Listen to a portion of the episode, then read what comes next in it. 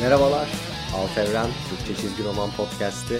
Yeni bölümümüze hoş geldiniz. Biliyorsunuz geçen bölümde Eternals'dan bahsetmiştik. Eternals filmi vizyona girdi. Bu gayet doğal olarak Eternals karakterleri hakkında, e, filmde karşımıza çıkan karakterler hakkında bir merak yarattı.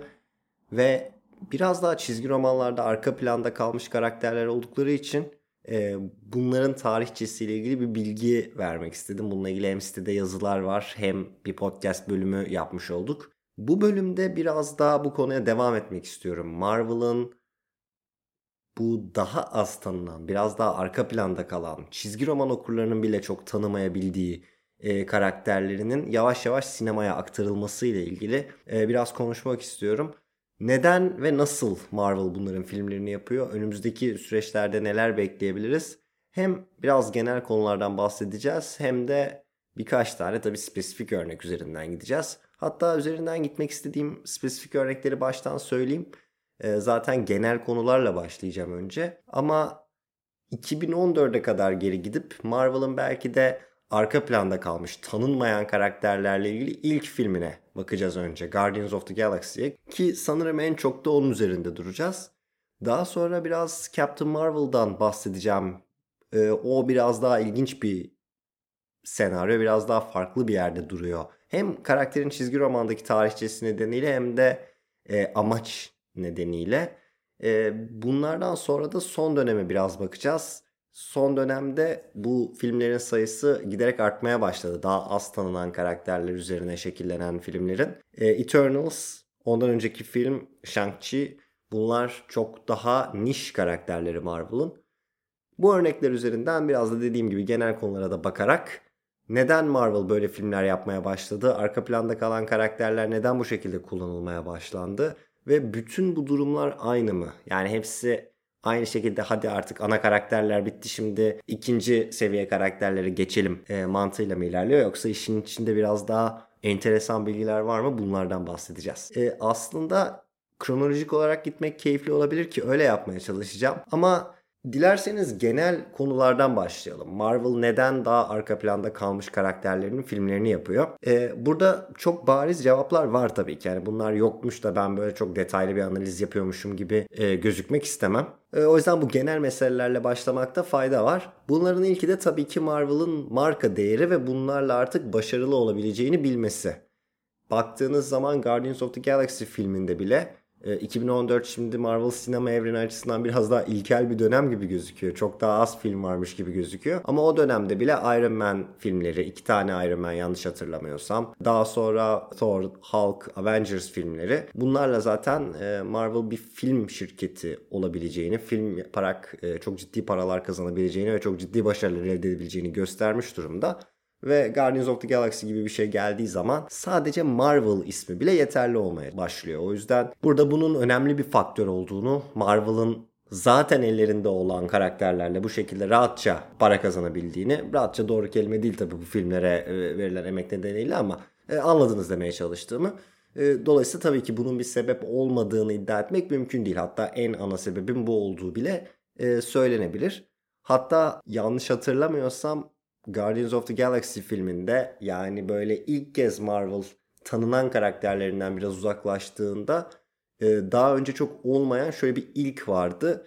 Filmin adında Marvels kısmına, şirket adına daha önceki başarılara yapılan referansa biraz daha önem veriliyordu. Marvel's Guardians of the Galaxy diye tanıtılıyordu film. E, o yüzden bu tabii ki çok önemli bir faktör. Bunun yanı sıra bence çizgi romanlarda başarının çizgi romanlarda tanınmanın film senaryosuna veya başka mecralara aktarılmaya doğru orantılı olarak bağlanmadığını da hatırlamak gerekiyor. Yani bir çizgi roman serisinin tanınabilir olması için yıllarca devam etmiş olması, satış rakamlarının yüksek olması, çok kişiye ulaşması gerekiyor. Örneğin bir Avengers'ın filminin çekilmesi, hatta bunun bir hedef olarak hani Avengers'ı sinemaya aktaralım, böyle adım adım işleyerek oraya gidelim e, gibi bir şey olması anormal değil. Yani baktığınız zaman 1960'lı yıllardan beri dile kolay hiç ara vermeden çıkmayı başarabilmiş. Hiç durmadan devam edebilmiş bir markadan bahsediyorsunuz.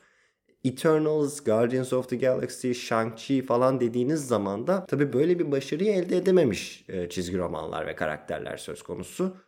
Ama şunu unutmamak lazım. Marvel en başarılı karakterlerini bile e, sinemaya aktarırken ki sadece Marvel değil DC'de öyle e, daha önce Sony, Fox gibi şirketler de öyle. Hiçbir zaman bir çizgi romanı alıp onun içindeki kurguları, oradaki hikayeleri birebir uygulamıyorlar. Uyarlamalarını daha çok belli fikirleri merkeze koyup, belli karakterleri merkeze koyup onlar etrafında yepyeni senaryolar e, oluşturarak yapıyorlar. Ve şu bence çok önemli bir şey. Çizgi romanlarda bir şeyin sürekli olarak devam etmesiyle merkezindeki fikrin iyi olması e, çok çok farklı konseptler. Yani Eternals baktığınız zaman evet yıllarca devam edememiş olabilir. Ama temel konsepti hani adeta gel de beni al merkeze koy ve üzerine bir film yaz e, dedirtiyor. Eternals için bu geçerli. Guardians of the Galaxy için bu geçerli. E, gitmek isterseniz hani Nova gibi karakterler için bu geçerli.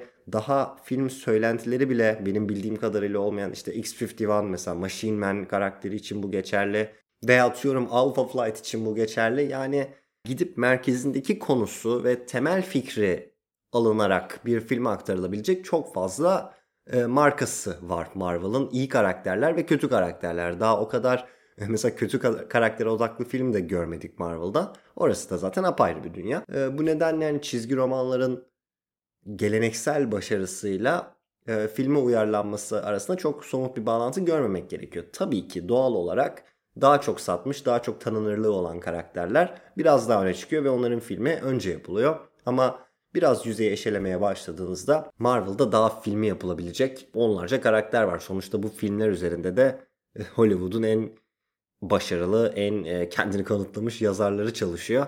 Alıp iyi fikirleri bir filme çevirmek çok zor bir şey değil. Aynı zamanda tabii filmlerin bir buçuk iki saat iki buçuk saat civarında olduğunu da hatırlamak gerekiyor. Bir fikri alıp ondan iki buçuk saatlik bir hikaye çıkartmak 60 e, yıl boyunca her ay o karakterle ilgili yeni sayılar üretmekten aslında biraz daha kolay bir iş.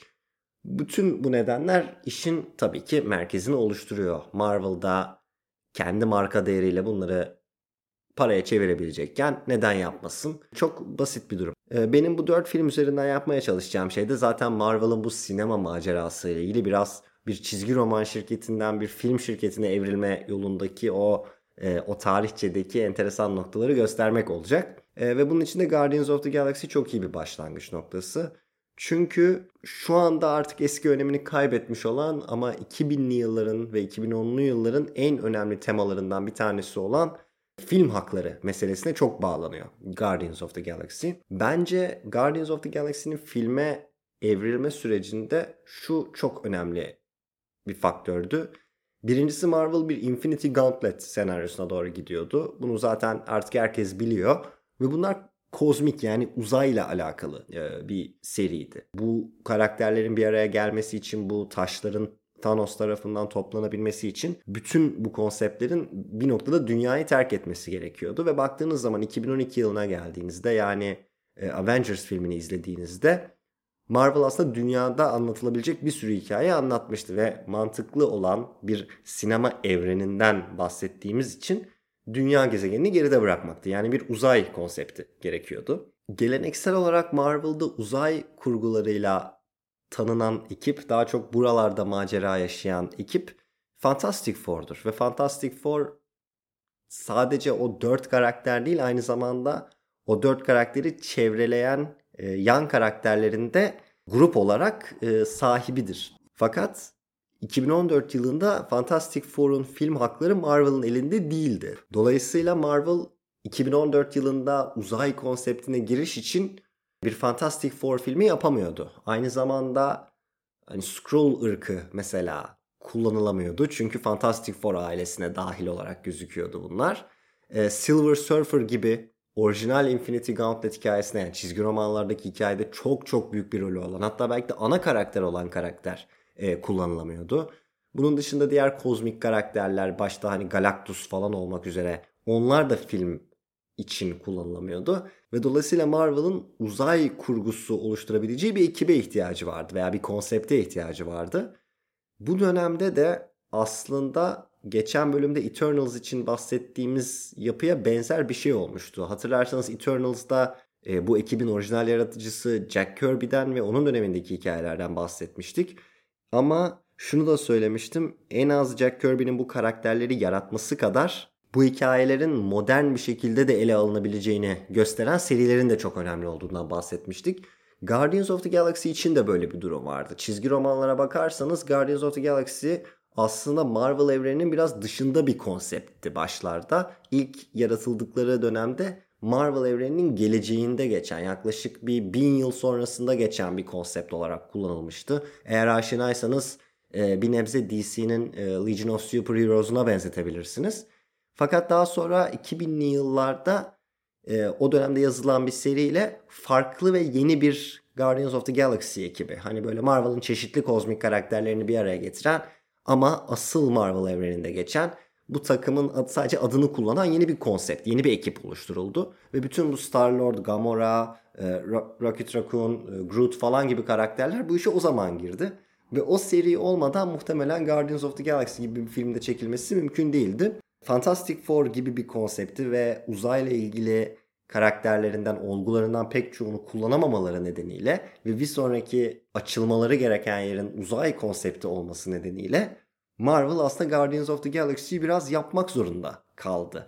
Burada biraz şöyle bir durum var. Bu film hakları konusu çok önemli bir konu. Dediğim gibi artık eski önemini yitirdi çünkü en değerli markalar e, Marvel'ın tabii ki şirket olarak sahip olduğu ama filmini yapma hakkını daha önceden başka şirketlere sattığı e, karakterler. Spider-Man ki o dönemde Marvel'ın belki de en popüler karakteriydi. E, Fantastic Four ve elbette X-Men serisiydi. Ve Marvel bunların filmini yapamadığı için e, aslında Marvel sinema evreninde çok farklı şekilde gelişti. Bunu şöyle de düşünebilirsiniz. Biraz her işte hayır vardır meselesine dönüyor. Çünkü bu karakterler ellerinde olmadıkları için Guardians of the Galaxy filmini yapmak zorunda kaldılar ve bir anda aslında o kadar da değerli olmayan bir markalarını, bir etiketlerini çok çok önemli işte kendi içinde üçlemeleri çekilen Marvel sinema evreninin en popüler karakterlerinden, takımlarından bir tanesi haline getirdiler. Eğer Fantastic Four ellerinde olsaydı ve 2014'te bunun filmini yapabilecek olsalardı veya belki de daha öncesinde Guardians of the Galaxy gibi arka planda kalmış bir konsepti e, belki de hiç sinemaya aktarmayacaklardı. O yüzden bu da üzerinde düşünmesi keyifli bir konu. Hatta biraz daha bunun üzerine gidebilirsiniz. 2000'li yılların başında işte Spider-Man'ler, X-Men'ler e, bunlar o dönemde Avengers'a falan göre daha değerli markalardı. Eğer Marvel bunları elinde tutsaydı belki 2008'de yaptıkları o Iron Man filminden önce bütün bu karakterleri sinemada e, yapmayı deneyeceklerdi. E, ama bu olmadığı için böyle bir şansları olmadığı için aslında değerli olan en popüler olan karakterlerini zamanında başka şirketlere film haklarını satmış oldukları için biraz elde kalan karakterlerle e, iş yapmaya çalıştılar sinema evrenini oluştururken. Ve tabi bunun içinde de hani öyle bir Iron Man filmi yapmalıyız ki e, gibi bir mantık oluşmaya başladı. Ve belki bu mantık olmadan hani Guardians of the Galaxy'yi bir marka haline getirmeyi bırakın e, bu mantık, bu düşünce şekli olmasa belki Marvel sinema evreni bile bugün bildiğimiz kadar büyük bir olaya dönüşemeyecekti. Mesela önümüzde DC örneği var. Bir karşılaştırma olarak söylüyorum. DC hiçbir zaman hiçbir karakterini başka bir şirkete satmadı. Çünkü zaten e, film çeken bir şirketin Warner'ın bünyesindeydi her zaman. E, ve DC'nin mesela hemen Superman'le Batman'le başladığı sinema evreni, Justice League'le başladığı sinema evreni hala bugün hala Marvel'ınkinin başarısına herhalde oldukça uzak desek abartmış olmayız. O yüzden e, bu da üzerine düşünmesi enteresan bir konu. Acaba Marvel'ın bütün filmleri e, teknik olarak biraz da arka planda kalmış karakterler üzerine miydi diye. Ama tabii ki Guardians of the Galaxy durumu bu konunun en net karşımıza çıktığı durumlardan bir tanesiydi. Bu arada bölümün ortasına geldik hala böyle giriş vari cümleler e, kuruyorum ama tabii şu da önemli bir konu. Guardians of the Galaxy hakikaten o dönemde e, çok çok garip bir tercihti. Mesela Eternals'da falan biraz daha yakından takip edebildik. Yani Eternals'ın bir film yapılacağı e, işte o artık phase'lerin tanıtılmasının bir olay haline gelmesiyle işte teaserlarla bilmem nelerle yani zamanla gelişen bir şey oldu. Bir de böyle çok e, meşhur işte Game of Thrones oyuncularını falan dahil ettiler kadroya. E, uzun sürede gelişen bir olay oldu o. Hani sindirme şansı bulduk. Guardians of the Galaxy bir anda adamlar biz Guardians of the Galaxy filmi yapacağız dediler. Ondan sonra da gidip gerçekten hızlı bir şekilde yaptılar. Ee, ve yani biraz da tabii ki o filmin başarısıyla alakalı bu kadar e, sükse yapması. Ama sonuç olarak kökleri muhtemelen uzay operası, uzay konsepti, kozmik boyut için bir şeye ihtiyaçlarının olması ve o dönemin hani popüler uzay serilerinin başında Guardians of the Galaxy'nin geliyor olmasıydı. Dediğim gibi belki de Fantastic Four ellerinde olsa e, veya en azından Silver Surfer ellerinde olsa e, Infinity Gauntlet kurgusunu çok farklı bir şekilde geliştirebilirlerdi. 2014'teki Guardians of the Galaxy en çok üzerinde duracağım konuydu. Bununla ilgili aslında söyleyeceklerim de bu kadar. Şeyi hatırlatmak istiyorum. Sitede e, Alt Evren Net üzerinde film hakları ile ilgili bu meseleyi daha detaylı okuyabilirsiniz. Üzerinde büyük ve çirkin bir uyarı var yazının. Artık bir öneminin kalmadığına dair. Çünkü eskiden bunu anlamak e, önemli bir şeydi. Yani Marvel hangi karakterlerin filmlerini yapabilir? İşte Spider-Man neden yapılamaz? X-Men neden yapılamaz? Şimdi Sony ile yapılan anlaşmayla biliyorsunuz 3 tane Spider-Man filmi oldu bile. Üçüncüsü de yakında vizyona girecek. X-Men için yani ona ayrı bir bölüm ayırıp bunun ne kadar e, tuhaf bir şey olduğunu konuşmak gerekiyor. İnsanlar Marvel'ın X-Men'in film haklarını geri almasını bile büyük bir hayal, imkansız bir şey olarak görürken Marvel gidip Disney tabii daha doğrusu Disney'e gidip Fox'u satın aldı. Bu yani olmayacak bir şey. Ee, onunla ilgili gerçekten söylenecek çok fazla şey var. Ee, ama hem X-Men hem Fantastic Four bu şekilde Marvel'a geri dönmüş oldu. Sony ile yapılan anlaşma ile birlikte Spider-Man dönmüş oldu. O yüzden film hakları diye bir şey kalmadı. Yani Marvel kendisine ait olan bütün karakterlerin filmini çekebilecek duruma geldi. Ama çok uzun süre durum bu değildi.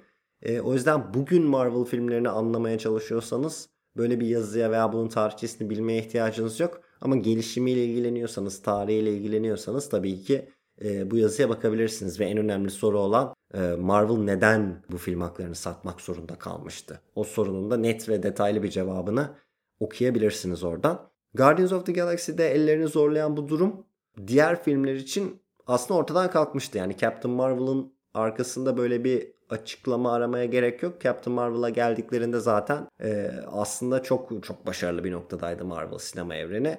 E, hatta ilk kez böyle orijinal olayların daha öncesinde olan hani ilk süper kahraman biz işte Hulk Iron Man falan zannederken veya doğası gereği yani 2. Dünya Savaşı'nda geçen Kaptan Amerika'yı saymıyorsanız e, bütün bunlardan önce Captain Marvel diye bir karakterin olduğunu işte Nick Fury ve Agent Coulson'ın bütün Avengers olayını onu gördükten sonra hayal etmeye başladığını e, falan gördüğümüz o kronolojik ilerleyen hani Captain America'yı saymazsanız o doğası gereği 2. Dünya Savaşı ile başlayan bir film tabii ki ama e, hani Marvel evreninin o düz doğrusal gidişatını bozan bir film bile yapabilir hale geldiler ve bunu hala devam ediyorlar. Tabii orada biraz daha çağımızın e, gereklilikleri de devreye giriyor. Çizgi romanlar geleneksel olarak erkek karakterlerin çok daha ön planda olduğu bir mecra. Ve bunu hani bugün olduğu gibi aktarmaya çalıştığınızda özellikle Amerika'da falan çok ciddi şekilde eleştirilmeye başlanıyorsunuz. Şu anda o hani İngilizce kavramla diversity meseleleri Marvel kadar büyük bir şirketseniz e, kafanızı çevirip biz bu eleştirilere dikkat almıyoruz diyebileceğiniz bir konu değil. O, o yüzden mesela Captain Marvel gibi bir karakterin filminin çekilmesinde ve bu şekilde çekilmesinde bunun da biraz muhtemelen payı vardı. Yani şirketin adını da taşıyan karakterin bir kadın karakter olması onun üzerine e, bir film yapılması. E, burada işin düşünce boyutuna hiç girmiyorum çünkü çok hassas konular. Yani bu işi çok destekleyenler de var. Artık beyaz erkek bir karakterin filminin çekilmemesi gerektiğini savunanlar da var. Diğer taraftan buna sinirlenenler de var. İşte nasıl yaptım var falan filan. Onlara çok girmek istemiyorum çünkü e, hassas konular ve bence biraz da hani Marvel gibi böyle popüler filmler üzerinden konuşulması yanlış bir konu. E, ama durumu tespit etmekte bir sakınca yok diye düşünüyorum. Yani eğer kadın karakterlerle ilgili film çekmek gibi bir baskı ki benzer baskılar da var tabii ki.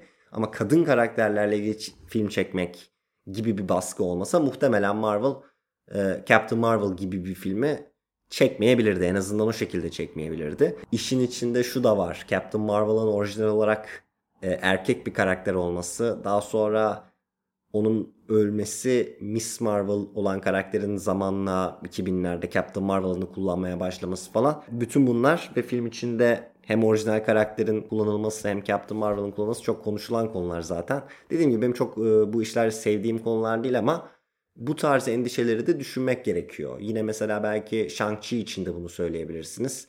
Biraz daha başka kültürleri göstermek e, farklı şeyleri ortaya koymak için.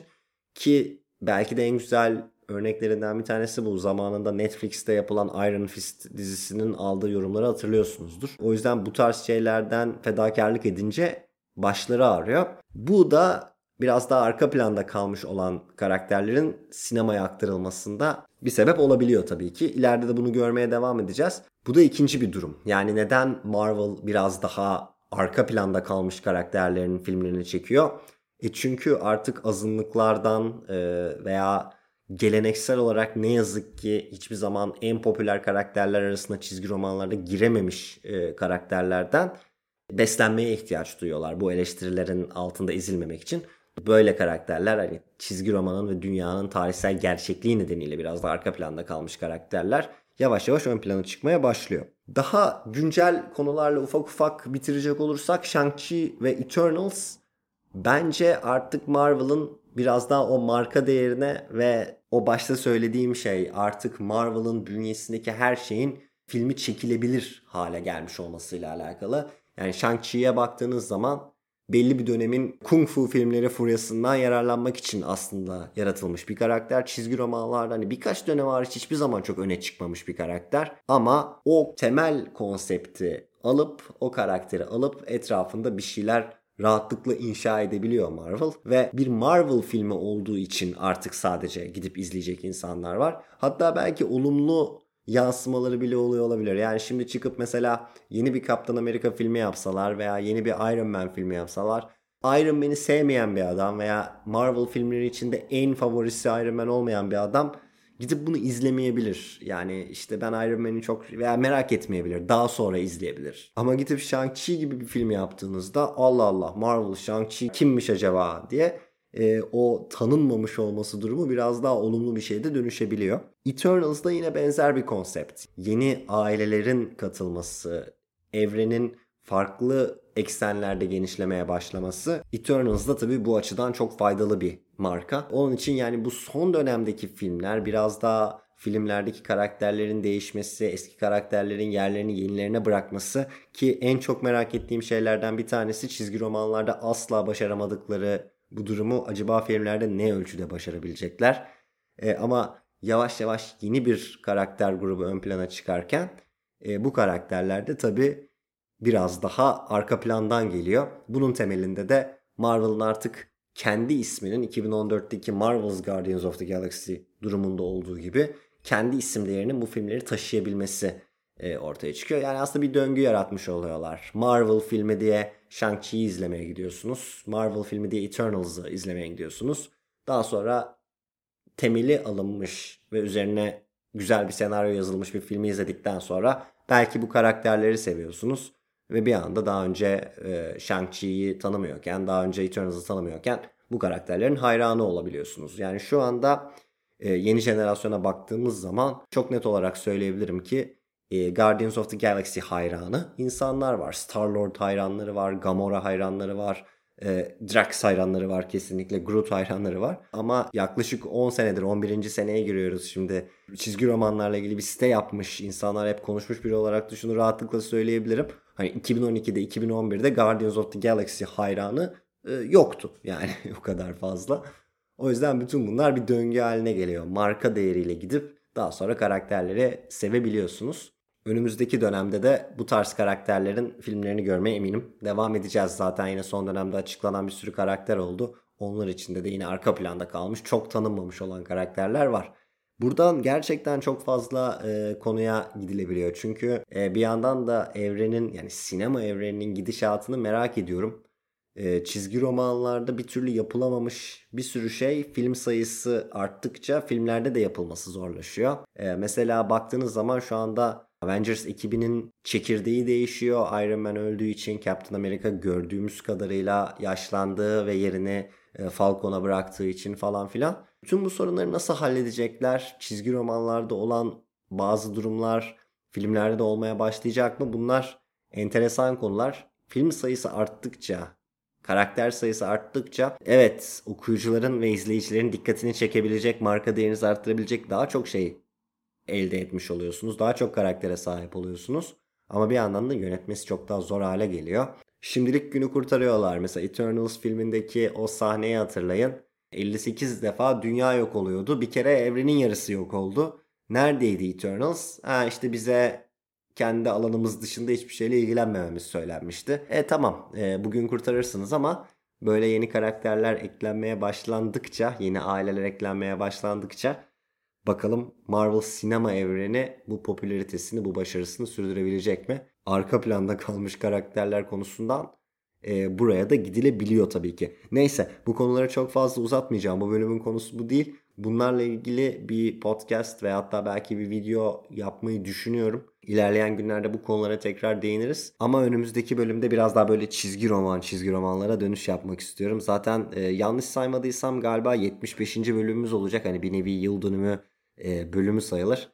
E, onlarda da ana eksenimize geri dönmüş oluruz. Çok teşekkür ederim bu noktaya kadar dinlediyseniz. Yorumlarınız, sorularınız varsa her zaman site üzerinden veya sosyal medya üzerinden ulaştırabilirsiniz. Bir sonraki bölümde görüşmek üzere. Hoşçakalın.